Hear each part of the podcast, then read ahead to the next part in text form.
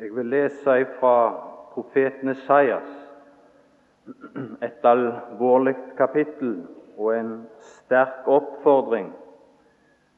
Det er kapittel 34, og jeg leser bare det 16. vers. Og Der finner vi et enestående uttrykk i Guds ord. Der står Se etter i Herrens bok og les. Ikke ett av disse dyr skal mangle.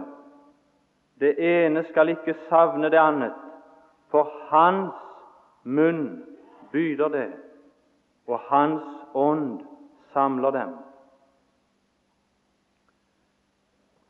Her kalles Bibelen for Herrens bok. Og det er slik denne bok blir lest ifra her, ikke som ei bok blant andre bøker, men som Herrens ord. Så leses det. Og slik er oppfordringen her.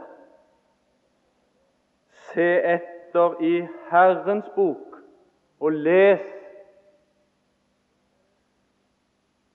Det er godt at Herrens ord er kommet i bok. Litt tidligere hos profeten Isaiah så står det 'tegn de opp i en bok', så det kan være for kommende tider, for alltid, til evig tid. Hvor godt det er å ha Herrens ord. Å ha det sånn at i vår tid kan vi òg samles for å lese det det kan leses i dag, og det kan leses som Herrens ord.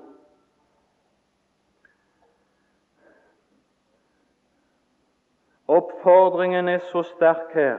Se etter. Se etter i Herrens bok og les. Og Allikevel så, så tror jeg det er sant at for mange troendes vedkommende så er Bibelen på mange vis blitt ei lukka bok når det gjelder deres private lesning. Og det er, det er noen tanker som kanskje noen bærer på, som gjør at Herrens bok kan bli slik for en. Jeg bare nevner et eksempel hos nettopp profeten Esaias, hvordan hans syn og profeti ble behandla. Og slik, på lignende vis, så, så blir Bibelen ei lukka bok for mange. Men jeg ønsket å understreke denne oppfordring se etter, gjør det sjøl. Se etter i Herrens bok og les La ikke vantro, tanker og argumenter hindre deg ifra velsignelsen av denne dyrebare lesning av Herrens eget ord. Det står i kapittel 29 hos Esaias, i det 11. vers. Der står først en måte. Og således Og således er synet av alt dette blitt eder like som ordene i en forseglet bok. Hvordan var det gått til? Jo, gir en den til en som skjønner Skrift, og sier 'les dette', så sier han 'jeg kan ikke, for den er forseglet'. Om du vil gi Bibelen Herrens bok, i de lærdes hender og be deg lese boken for deg, så skal du gå skuffa bort, og i din private lesning så skal Bibelen bli nokså lukka for deg. For deres svar var dette, de som skjønner Skrift. Hvis du sier til dem 'les dette', så sier de 'jeg kan ikke', for den er forseglet. Det står så mye i symboler, det står så mye i tegn, det står så mye i lignelser. Det er vanskelig å fortolke det. Alt blir så usikkert.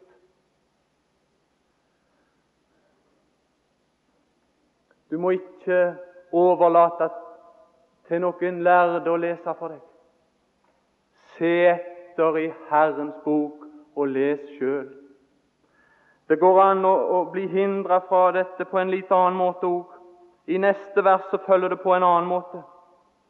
Og Der er det ikke lederne kunne vi si, eller, eller de lærde, men der er det de som Det kunne synes som om det var ydmykt, men vi leser. Eller en rekker boken til en som ikke skjønner Skrift, med de ord Les dette, så sier han, jeg skjønner ikke Skrift. Jeg er bare en lekmann. Jeg, jeg kan ikke forstå det på egen hånd. Nei, Herrens oppfordring skulle være til oss, den yngste som den eldste og enhver. Se etter i Herrens bok og les. Guds ånd skulle være en tilstrekkelig lærer for hver og en av oss. La oss glede oss i det som, som Herren gjennom sine vitner her kan bære fram for oss. Kan peke på, men gå òg hjem og les. Se etter og les sjøl. Og be da den bønn som Bibelen lærer oss å be. Lat opp mine øyne, at jeg kan se de underfulle ting i ditt ord. Du vil kanskje si at når Esaias retta den oppfordring, ja, så hadde de ikke så mye bøker. Så hadde de gjerne ikke så mye å lese som i dag. La oss se i kapittel 47 hos profeten. Der står det noe. Og det er ikke få i vårt land som leser på dette i dag. Dette er like moderne som på Isaias tid. Du har trettet deg ut med dine mange råd. Lesningen av dette som her skal nevnes, det, det bare fører til tretthet i sjelen. Det var derfor jeg vil understreke og oppfordre se etter, du som er en troende. Se sjøl etter og les, så du ikke skal bli trett i din sjel. La dem stå fram og frelse deg, de som har inndelt himmelen. Stjernekikkerne, de som hver måned kunngjør de ting som skal komme over deg. Ja, de hadde horoskoper på den tid. De var like interessert i framtiden, i sin egen framtid, som du er, som enhver er. Og så vendte de seg til til det som vi kaller for horoskoper i dag. Og det er ikke få blader som selges i vårt land som har dette i seg. Og mange de, de leser, for de føler at de er i skjebnens jernhånd, og så lengter de etter noe som kunne gi dem visshet om framtiden. I dag så synges det Lenge leve livet. Du, du vet ikke hvor det ender. Men nå bare å få vite litt ville være så godt. Syke, kanskje nedtrykte. Så vender de seg til dette, og så, så håper de på at det skulle kunne gi dem svar. Så griper de etter dette med begjær.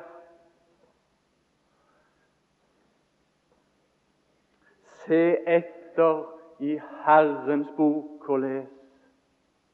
La ikke dette kamuflerte bedrag og åndsmakt og spel spille med din evige skjebne. Det er Herrens ord som alene kan gi svar på dette spørsmål. Og oppfordringen her i Isaias 34 det er nettopp på den bakgrunn at hvis en vil sammenligne profetien med oppfyllelsen, så skal en finne at de samsvarer til minste detalj.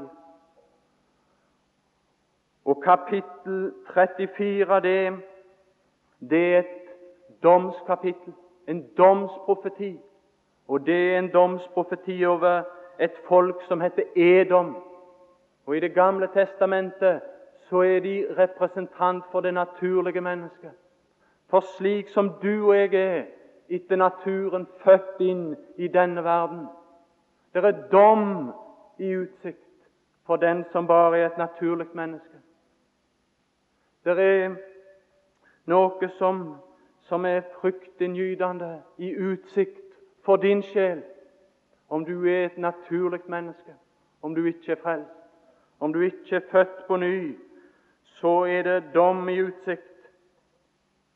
Det er en evig fortapelse, en evig ruin, som forestår for din sjel. Se etter i Herrens bok og les. Der kan du nemlig få vite det på forhånd. I Bibelen så er det tale om, om to endelig. I Salme 73 der leser vi der leser vi at det går an å gå inn i Guds ord og få vite sitt endelig hvor det skal ende. Her på forhånd. Det står i det 17. verset i Salme 73 Inntil jeg gikk inn i Guds helligdommer og ga vakt på deres endelig. Før det så visste han ikke hvordan det ville ende for de som han her taler om, og det han, det han taler om her, det er de ugudelige. Bibelen taler om et endelig en ende for de ugudelige, og det er en fryktinngytende utsikt Bibelen stiller foran oss. Det er Edoms dom.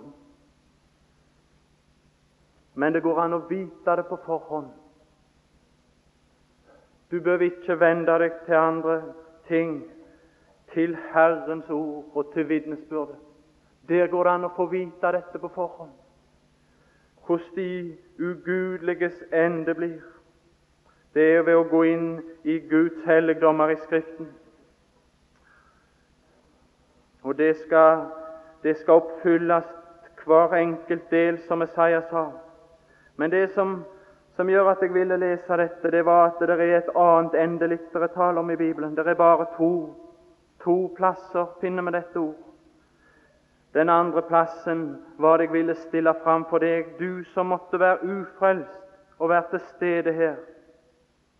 Der sies nemlig noe i 4. Mosebok kapittel 23.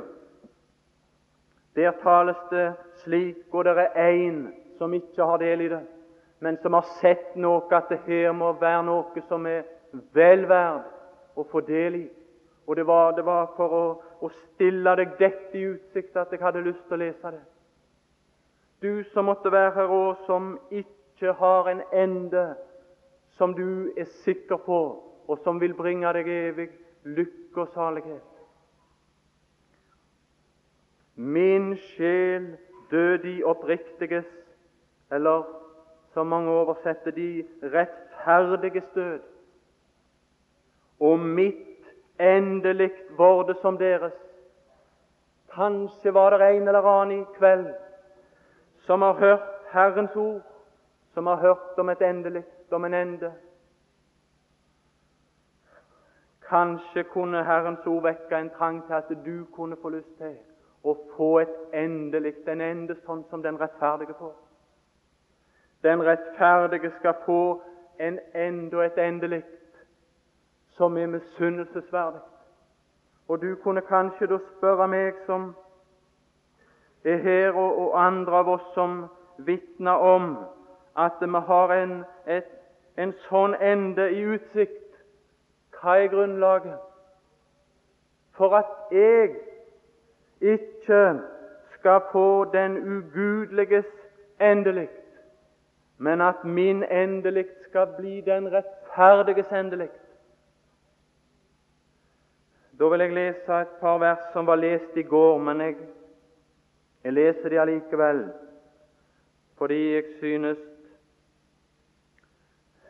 det er slike ord, nettopp slike ord, som kunne vekke trang hos en eller annen etter, etter å få det slik som den rettferdiges endelig er.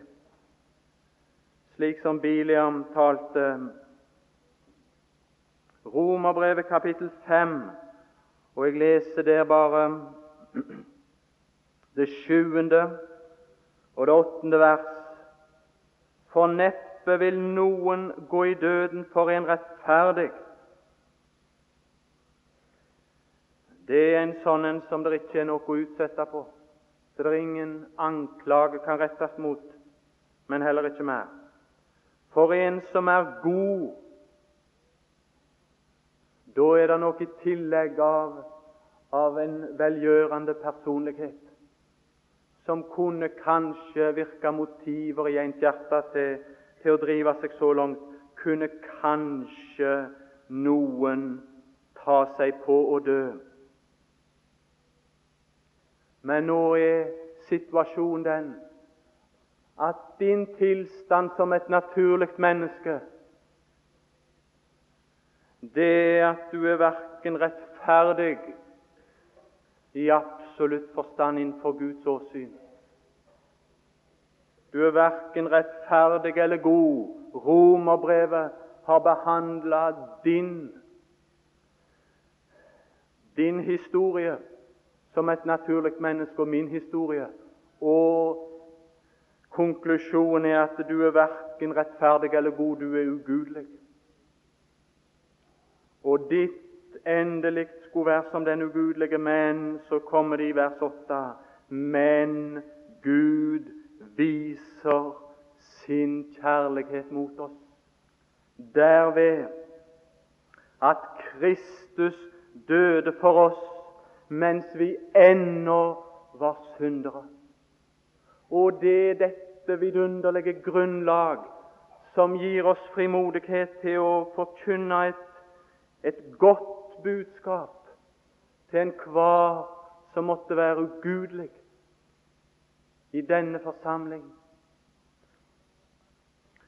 Nå står det slik her Gud viser sin kjærlighet. Men det ord som egentlig er brukt for 'viser', det forekommer kun to ganger ellers i Romerbrevet. Det forekommer i Romerbrevet kapittel 16 og vers 1. Og Der oversettes det annerledes. Der oversettes det slik Jeg anbefaler dere Føbe, vår søster, som er menighetstjenerinne i Kenkre. Det er dette ordet 'anbefaler'. Jeg anbefaler dere Føbe. Det er ikke bare at Gud framviser sin kjærlighet. Nei, Gud er interessert i å anbefale sin kjærlighet til ditt hjerte. Det forekommer ellers en gang til, og det er i kapittel 3 og vers 5, og der står det slik Men dersom vår urettferdighet viser eller anbefaler Guds rettferdighet, hva skal vi da si? Og så tales det om Guds kommende vrede. Vår urettferdighet anbefaler Guds rettferdighet å gripe inn overfor en sånn en som meg. Guds rettferdighet anbefales David så at han var urein i Guds nærhet. Han så klart at det ville bare være rettferdig av Gud å kaste bort for evig tid en slik som David, en slik som meg. Vår urettferdighet bare anbefaler Guds rettferdighet og gripe inn med vrede. Men det er noe annet Gud viser og anbefaler i evangeliet. Og det er dette som dette vers åpenbarer for oss. Gud anbefaler sin kjærlighet, og det gjør han på denne måten derved at Kristus døde for oss mens vi ennå var syndere. Det er i dette at Gud anbefaler sin, sin kjærlighet. Sin særegne, spesielle kjærlighet. Den kjærlighet som ikke finnes i noen annen. Det finnes ikke slik kjærlighet i en skapning. Det finnes bare i Gud. Men Gud anbefaler sin kjærlighet.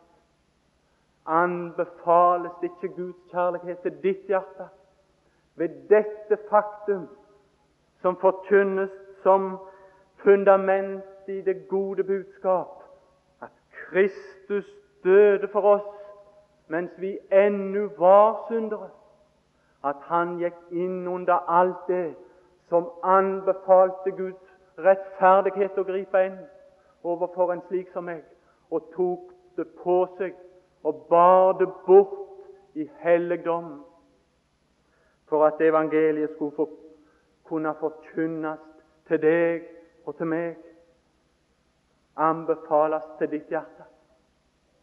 Anbefales med den hensikt at du skulle ta imot det. Det er derfor Gud anbefaler det. Han anbefaler det til deg. At ditt endelikt og din ende skulle bli som den rettferdiges ende, og at du skulle få en slik misunnelsesverdig ende med alt som knytter seg til det. Og det, det er ut ifra dette store, dette faktum som Gud anbefaler sin kjærlighet ut ifra.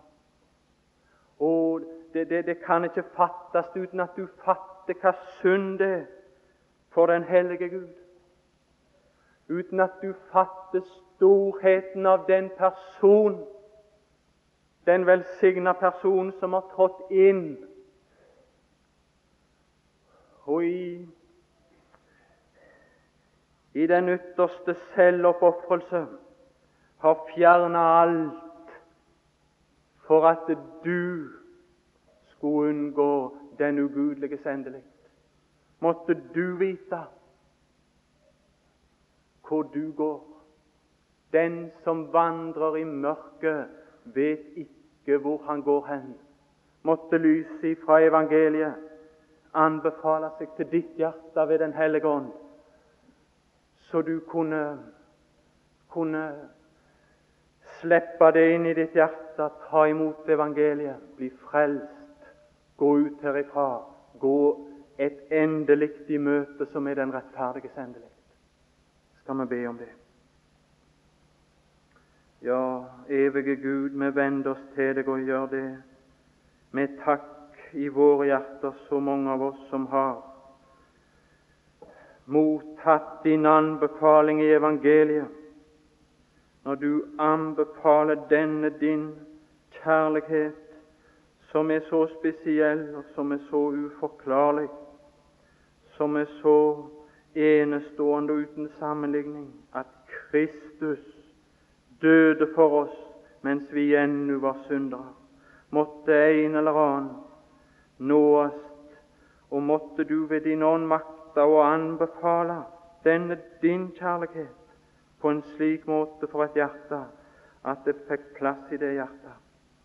Herre, for ditt navn ber vi. Amen.